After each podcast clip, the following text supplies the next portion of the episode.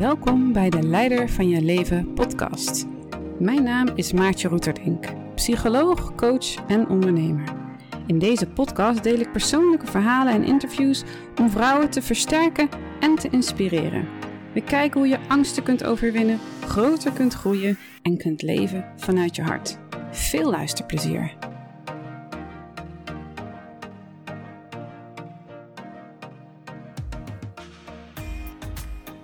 Als alle wereldleiders vrouwen waren? Zou er dan oorlog zijn? Wat als niet macht, maar liefde centraal zou staan? Wat als vrouwelijke waarden zoals intuïtie en ontvankelijkheid net zo serieus genomen zouden worden als mannelijke waarden, zoals doelgerichtheid en prestatie? Wat als vrouwen hun afhankelijkheid en kleine eigenwaarden zouden loslaten en mannen hun behoefte aan destructieve macht. Dat zijn vragen die ik vandaag wil stellen in het kader van Internationale Vrouwendag, 8 maart. En het thema voor deze uh, Internationale Vrouwendag is solidariteit en de kracht voor verandering. En ik denk dat dat heel belangrijk is. Dat we allemaal, mannen en vrouwen, de kracht vinden voor verandering. En ik denk, in heel veel dingen hebben we geen invloed op. Zoals de oorlog nu in de Oekraïne. Een inval van Poetin in Rusland. ja, van, de, van Rus, Rusland. Um, maar waar we wel invloed op hebben is op onszelf. En ik moest denken aan een filmpje dat ik een tijd geleden zag van Tara Moore. Ik vind haar heel inspirerend. En zij sprak over uh, de machthebbers in de wereld. En ze zei: Ik zie heel veel power, dus heel veel kracht. Maar ik zie weinig of geen wisdom, wijsheid. En ze benoemde bij vrouwen is het juist vaak andersom. Er is, er is wisdom, er is wijsheid. Maar er is, er is een gebrek aan power, aan kracht om het in de wereld te zetten. En voor mijn gevoel was dat precies de, um, hoe moet je dat zeggen, vinger op de zere plek. Of de, nou ja, dat is precies het goede aanwees met haar woorden. En de kunst is dus dat, dat we dat combineren, wisdom en power. En de enige mogelijkheid daartoe is denk ik dat vrouwen in hun kracht gaan staan om hun wijsheid te delen. En om hun vanuit ja, een groeiende eigenwaarde steeds meer power te voelen. En het in te zetten voor het goede, voor, wijsheid en liefde. En voor mannen geldt natuurlijk een soort gelijke beweging, misschien een andere kant op, maar veel meer naar het openen van het hart, naar voelen, naar wijsheid, naar ontvankelijkheid, liefde, zodat ook zij wisdom en power in evenwicht gaan brengen. En ik denk dus dat dan uiteindelijk, als je het hebt over leider van je leven worden, dat het dus voor ieder mens geldt. Ehm, om te kijken waar ligt mijn stukje, waar ligt mijn route naar meer evenwicht, meer balans. Want als ik kijk in mijn eigen leven, ik denk dat ik van jongs af aan al wel een bepaalde wijsheid had, heb gehad. Maar ook veel, um, vaak heb ik me heel machteloos gevoeld. Dus dan heb je wisdom zonder power. En ik denk dat dat, nou ja, dat is voor mij de reden dat ik met Leider van je leven ben begonnen. Dat ik dacht, dit is zo'n hiaat in mijn ontwikkeling. Hoe komt dit?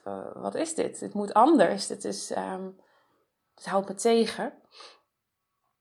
Ehm, en, en ik heb erover na zitten denken dat voor mij persoonlijk was het heel lastig om in mijn kracht te gaan staan, omdat ik heel erg neigde naar afhankelijkheid. Afhankelijk zijn in relaties. En er zit wel enige schaamte op om dat te delen, omdat ik altijd de indruk probeerde te wekken dat ik heel autonoom was en alles zelf wel kon oplossen en heel zelfstandig was. Maar ik ben steeds meer gaan ontdekken door al mijn opleidingen en dergelijke en persoonlijke ontwikkeling dat onder die autonomie eigenlijk een grote afhankelijkheid lag. En soms nog ligt. Ik kom hem nog steeds wel tegen. Ehm, en, en bij mij persoonlijk, die afhankelijkheid vertaalde zich in um, de ander laten bepalen in de relatie.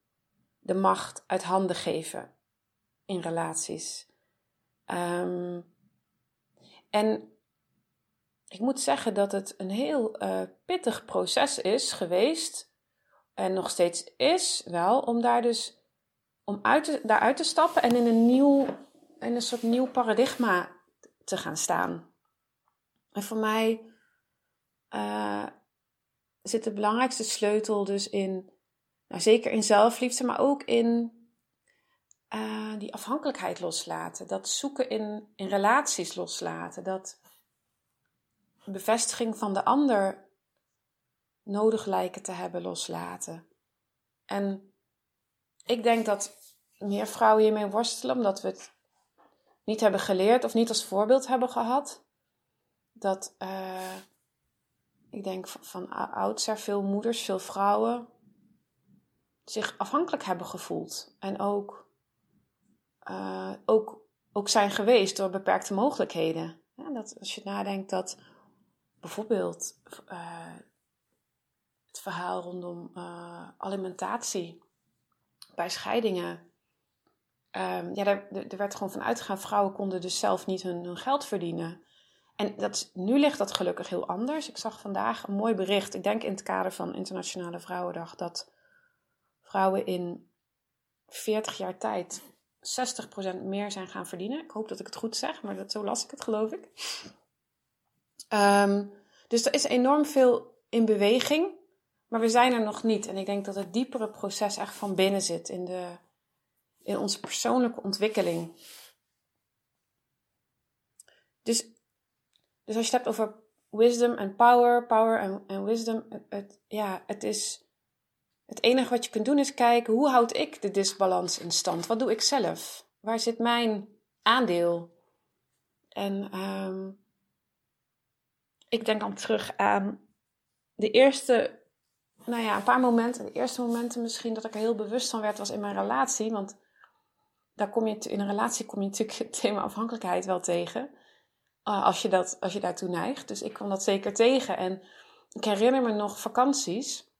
Met name in vakanties dat ik altijd heel hard uitgedaagd. Omdat in een vakantie dan ben je natuurlijk op, met elkaar meer bezig. En dan moet je samen beslissen van wat gaan we doen en zo. En, uh, en dan kwam heel erg aan het licht mijn neiging om de ander dan alles te laten bepalen. En, en vervolgens daar, werd ik daar heel gefrustreerd over. Want dan kon ik eigenlijk geen vorm geven aan mijn eigen wensen. En uiteindelijk ging dat zoveel pijn doen dat ik, door lijden worden we wakker, kun je zeggen. Dus door die pijn ging ik beseffen, nee, dit, dit moet anders. En dus ik herinner me vakanties dat, dat we dan aan het fietsen waren. En dat mijn man dan zei, oké, waar gaan we heen? En dan zei hij niks. En dan was soort van een, uh, liet hij mij dus heel bewust bepalen wat we gingen doen, welke kant we op gingen. En dan merkte ik dus dat ik dat super moeilijk vond. Dat ik zo was ingesteld op laat de ander maar bepalen. Ehm, dat dat me erg moeite kostte om, om, die, ehm, om dat te doen. En ik vind het best wel lastig om dit te vertellen, omdat het, het, het voelt kwetsbaar. Omdat het, um, het klinkt zo simpel. Maar als je het voorbeeld niet hebt gehad hoe dat dan is. Ehm, en je weet dat niet. Tenminste, dat, zo was het voor mij, denk ik. Ik zat in een soort werkmodel vast dat gewoon niet, niet, niet meer prettig was. Dus nou ja, de afgelopen jaren heb ik daar heel veel in gewerkt. Heel veel sprongen in gemaakt. In, oké, maar wat wil ik? De wat wil ik vraag.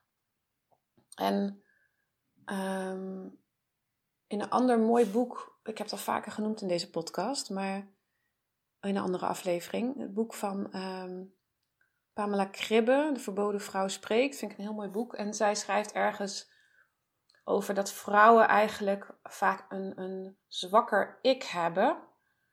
In de zin van ze zijn minder gericht op het ik. Dus um, ze zijn meer gericht op de ander in, in, vanuit de vrouwelijke energie. Uh, die is heel zorgzaam. Uh, nurture, hè, nurture wil bieden, dus, dus zorg, liefde, warmte, behoud van leven, al die dingen, afstemmen op de ander. Maar een sterk ik is noodzakelijk om een evenwicht te creëren. Dus um, voor mij resoneert dat echt enorm. Het gevoel van, ja, de wat wil ik vraag. Het, het sterkere ik ontwikkelen. Um, en ik denk dat dat nog wel eens verward kan worden met egoïsme. Van ja, maar dat is egoïstisch of um, dat is allemaal gericht op het ik. Terwijl ik juist zie van er is juist een voor vrouwen, in ieder geval voor de vrouwen die worstelen met de thema's die ik hier benoem, is het versterken van het ik heel belangrijk. Uh, het ik centraal mogen zetten, je eigen verlangens uh, centraal mogen stellen, daar gehoor aan geven, uh, is heel belangrijk. Omdat als je dat niet doet, gaat het zichzelf ook ergens anders wreken. En dan gaat het ergens erger, ergernis creëren of boosheid of onderdrukte kracht. Want zo zie ik het hoor. Dat vaak is boosheid denk ik een vorm van onderdrukte kracht. En ik denk dat echt deze tijd, zeker nu, hè, ik denk dat iedereen heel erg geraakt is door de oorlog in de Oekraïne, laat zien dat we de, dat we de gezonde kracht nodig hebben. De, en niet de onderdrukte, agressieve vorm. Dus ik, ik wens, ja, ik wens eigenlijk jou als luisteraar toe om voor jezelf eens te kijken van wat, hoe werkt dit voor mij? Waar zit voor mij die disbalans? Als je het hebt over wisdom en, power, uh, is het voor jou een uitdaging om meer kracht te ontwikkelen, meer en sterker ik, sterker gaan staan voor wie je bent en, en voor je eigen verlangens? Of is wellicht voor jou meer het voelen, het, het, um, het openen, het verzachten? Misschien zelfs het ik minder centraal stellen belangrijk. En, en ik denk dat het belangrijk is om er geen oordeel aan te geven. Het dat het een beter is dan het ander. Maar dat we allemaal voor de uitdaging staan om, om, om die balans te zoeken en onszelf te ontwikkelen. En ik denk echt dat het. Uh, wij zijn onderdeel van deze planeet. Dus als wij in onszelf balans kunnen vinden, heeft dat, geloof ik echt, heeft dat een effect op onze planeet, op het collectief onderbewuste, op het collectieve veld, uh, op wat er gebeurt. Dus ik wens je heel veel um, mooie balans toe tussen mannelijk en vrouwelijk. En um, dat is het einde van deze podcast. Heel erg bedankt voor het luisteren. Wil jij meer weten? Op www.leidervanjeleven.nl kun je eenvoudig mijn e-book downloaden. Scroll onderaan de pagina en vul je gegevens in.